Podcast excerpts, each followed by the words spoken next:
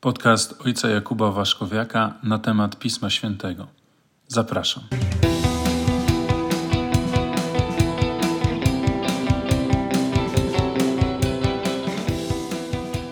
Szczęść Boże. Dzisiaj będzie trochę historii o narodzie wybranym.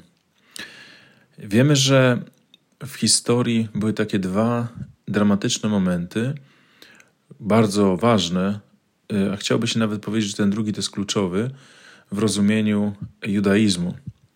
Bo najpierw y, mamy 722 rok, przed Chrystusem oczywiście, kiedy Asyria zdobywa już podzielony Izrael, państwo północne. Państwo południowe przetrwa tą inwazję, chociaż zostanie zniszczone przez Asyryjczyków, to jednak Jerozolima przetrwa. A zatem 722 rok to jest deportacja narodu izraelskiego z Królestwa Północnego, który przyjął nazwę Izrael, do Asyrii. Pozostaje tylko państwo południowe, które przyjęło nazwę Juda. I to państwo południowe zostanie zaatakowane przez Babilończyków w 597, ale w związku z tym, iż podnieśli później bunt, w 586 roku zostaje zniszczone miasto Jerozolima, świątynia, ale naród zostaje deportowany do Babilonii. To i to nie jest, wiecie, to nie jest y, niewolnictwo na zasadzie więzienia, tylko naród żydowski po prostu musiał y, na nowo zacząć żyć y, na innym terenie. Zostali deportowani, jak wiele zresztą innych narodów. I to stanowiło pewien problem, który mm, popchnął też naród izraelski do tego, właśnie judzki w tym wypadku należało bardziej powiedzieć, no bo ludność z Judy. I oni, słuchajcie, e, zostają przymuszeni do tego, żeby bronić swojej tożsamości religijnej. I tutaj chciałbym podkreślić dwie kwestie. Pierwsza to właśnie to, co teraz powiedziałem. Naród żydowski staje w obliczu literatury babilońskiej, która była bardzo obfita. Mam tu na myśli Enuma Elish, e, Atrahazys, Gilgamesz i tak dalej, które w tamtym czasie, w tamtym rozumieniu tamtych ludzi była to literatura nau naukowa. Oczywiście były to kosmogonie, które y, w sposób religijny odpowiadały na najważniejsze pytania, jakie sobie, jakie sobie ludzkość stawia, związane z życiem i śmiercią i cierpieniem itd. Tak I ta literatura y, w sposób religijny, politeistyczny odpowiadała na te, na te pytania. Naród izraelski, który nie miał jeszcze swojej literatury, no, stał w obliczu poważnego zagrożenia, że ta literatura mogła wpłynąć również na, na rozumienie świata przez Żydów w sposób błędny, ponieważ była to literatura politeistyczna. I dlatego też w pierwszych 11 rozdziałach Księgi Rodzaju mamy wyrażenia pewnych ogólnych prawd yy, poprzez opowiadanie, którego nie można traktować jako opowiadanie historyczne. I dlatego na przykład mamy y, powstanie świata w sześć dni. I ktoś powie, no historycznie to się nie zgadza. No oczywiście, że tak. Autor biblijny w ogóle się nie zajmował tym, jak powstał świat, tylko chciał powiedzieć, w znaczeniu jak fizycznie, tylko chciał powiedzieć, że świat nie jest owocem walki bogów, jak to mamy w Enuma Elish na przykład, bardzo słynnym babilońskim E, babilońskiej kosmogonii, gdzie mamy boga Marduka, który walczy z boginią Tiamat, ją prawda, przecina na pół, tworzy niebo i ziemię. W tym e, opowiadaniu, które mamy w pierwszym rozdziale Księgi Rodzaju, gdzie autor biblijny odnosi się w jakiś sposób w tej, w tej literaturze do literatury babilońskiej, chciał po prostu powiedzieć, że świat powstał przez jednego Boga e, za pomocą słowa, czy za pośrednictwem słowa Pan Bóg stwarza świat.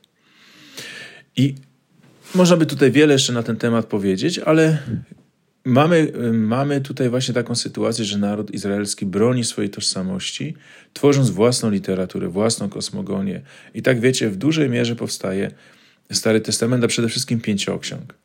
I tutaj mamy też y, no, przede wszystkim mm, sytuację, w której naród żydowski musiał sobie odpowiedzieć na pytanie, co oni w ogóle tam robią. Słuchajcie, oni byli przekonani, że do tej pory zakłada się, że naród izraelski jeszcze nie wyznawał monoteizmu, czyli wiary w jednego Boga, ale tak zwaną monolatrię.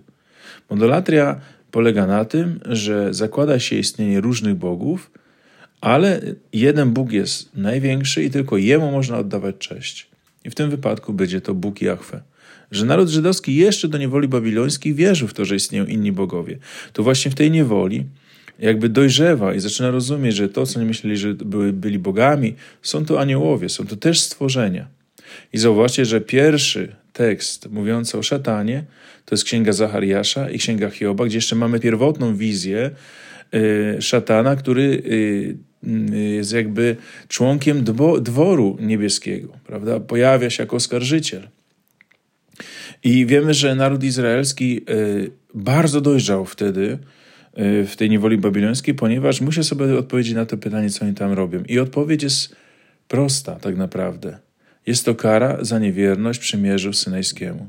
Bo kiedy mm, za pośrednictwem Mojżesza Bóg zawarł przymierze z narodem izraelskim na górze Synaj, to wówczas dziesięć przykazań stanowiło y, warunek tego przymierza. Że Pan Bóg powiedział, że będzie ich chronił, będzie ich Bogiem, ale y, warunkiem są właśnie przykazania Boże. Oni muszą być wierni przykazaniom Bożym.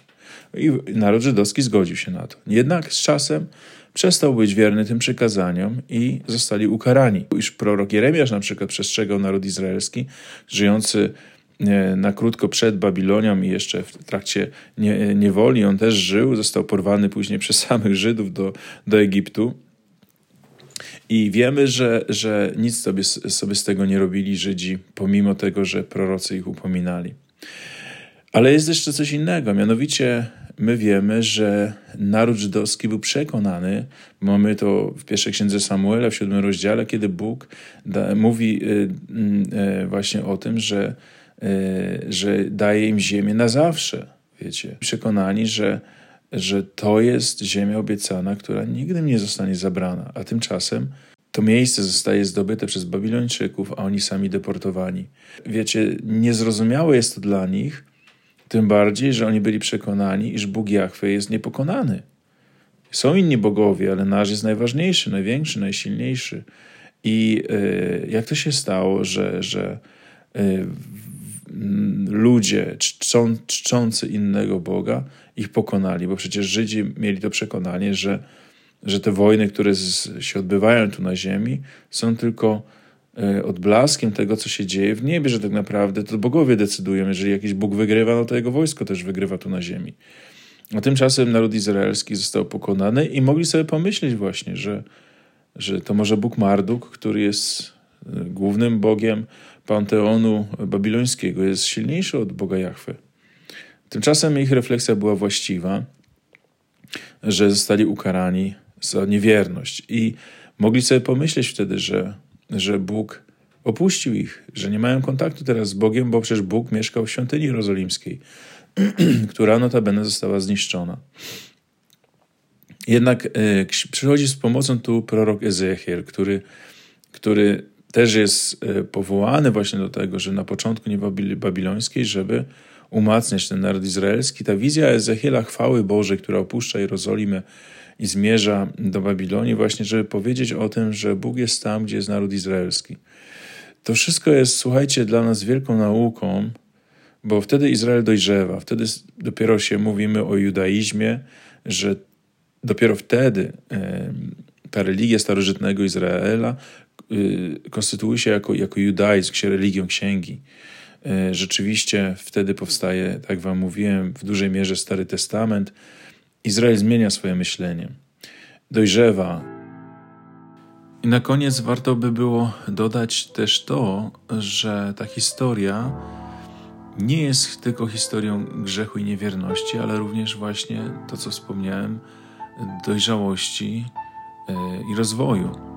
To znaczy się, że człowiek, kiedy popełni grzech, bo to jest, wiecie, częścią historii zbawienia, jest też nauką też dla nas, że człowiek, który popełni grzech, na szczęście Pan Bóg nie zostawia człowieka tylko ze złem, ale daje mu nadzieję, że jeżeli człowiek przyzna się do swojego błędu, tak, robi to, zrobi to naród izraelski, przyznali się do swojej niewierności i próbuje człowiek naprawić popełnione zło, że z tego zła Bóg jeszcze może wiele dobra wyciągnąć. Bo tak jak dojrzał ten naród izraelski i stał się po prostu mądrzejszy, tak i człowiek, który naprawia popełnione zło, może osiągnąć po prostu pewną mądrość, y, stać się bardziej człowiekiem doświadczonym, mądrzejszym. Nie jest to żadne usprawiedliwianie zła, ale raczej podkreślanie y, miłosierdzia Bożego, który właśnie w tym wypadku polega na tym, że Bóg nie, nie zostawia człowieka tylko ze złem, które popełnił, ale stara się z całej tej sytuacji, jeżeli człowiek próbuje to naprawić, stara się wyciągnąć jeszcze dobro z tego wszystkiego. Dlatego też, ta, gdy stanie się coś złego, powinniśmy właśnie wracać do Boga z tą nadzieją, że On pomoże nam z tego wyjść, a nawet wyciągnąć jeszcze z tego jakieś dobro.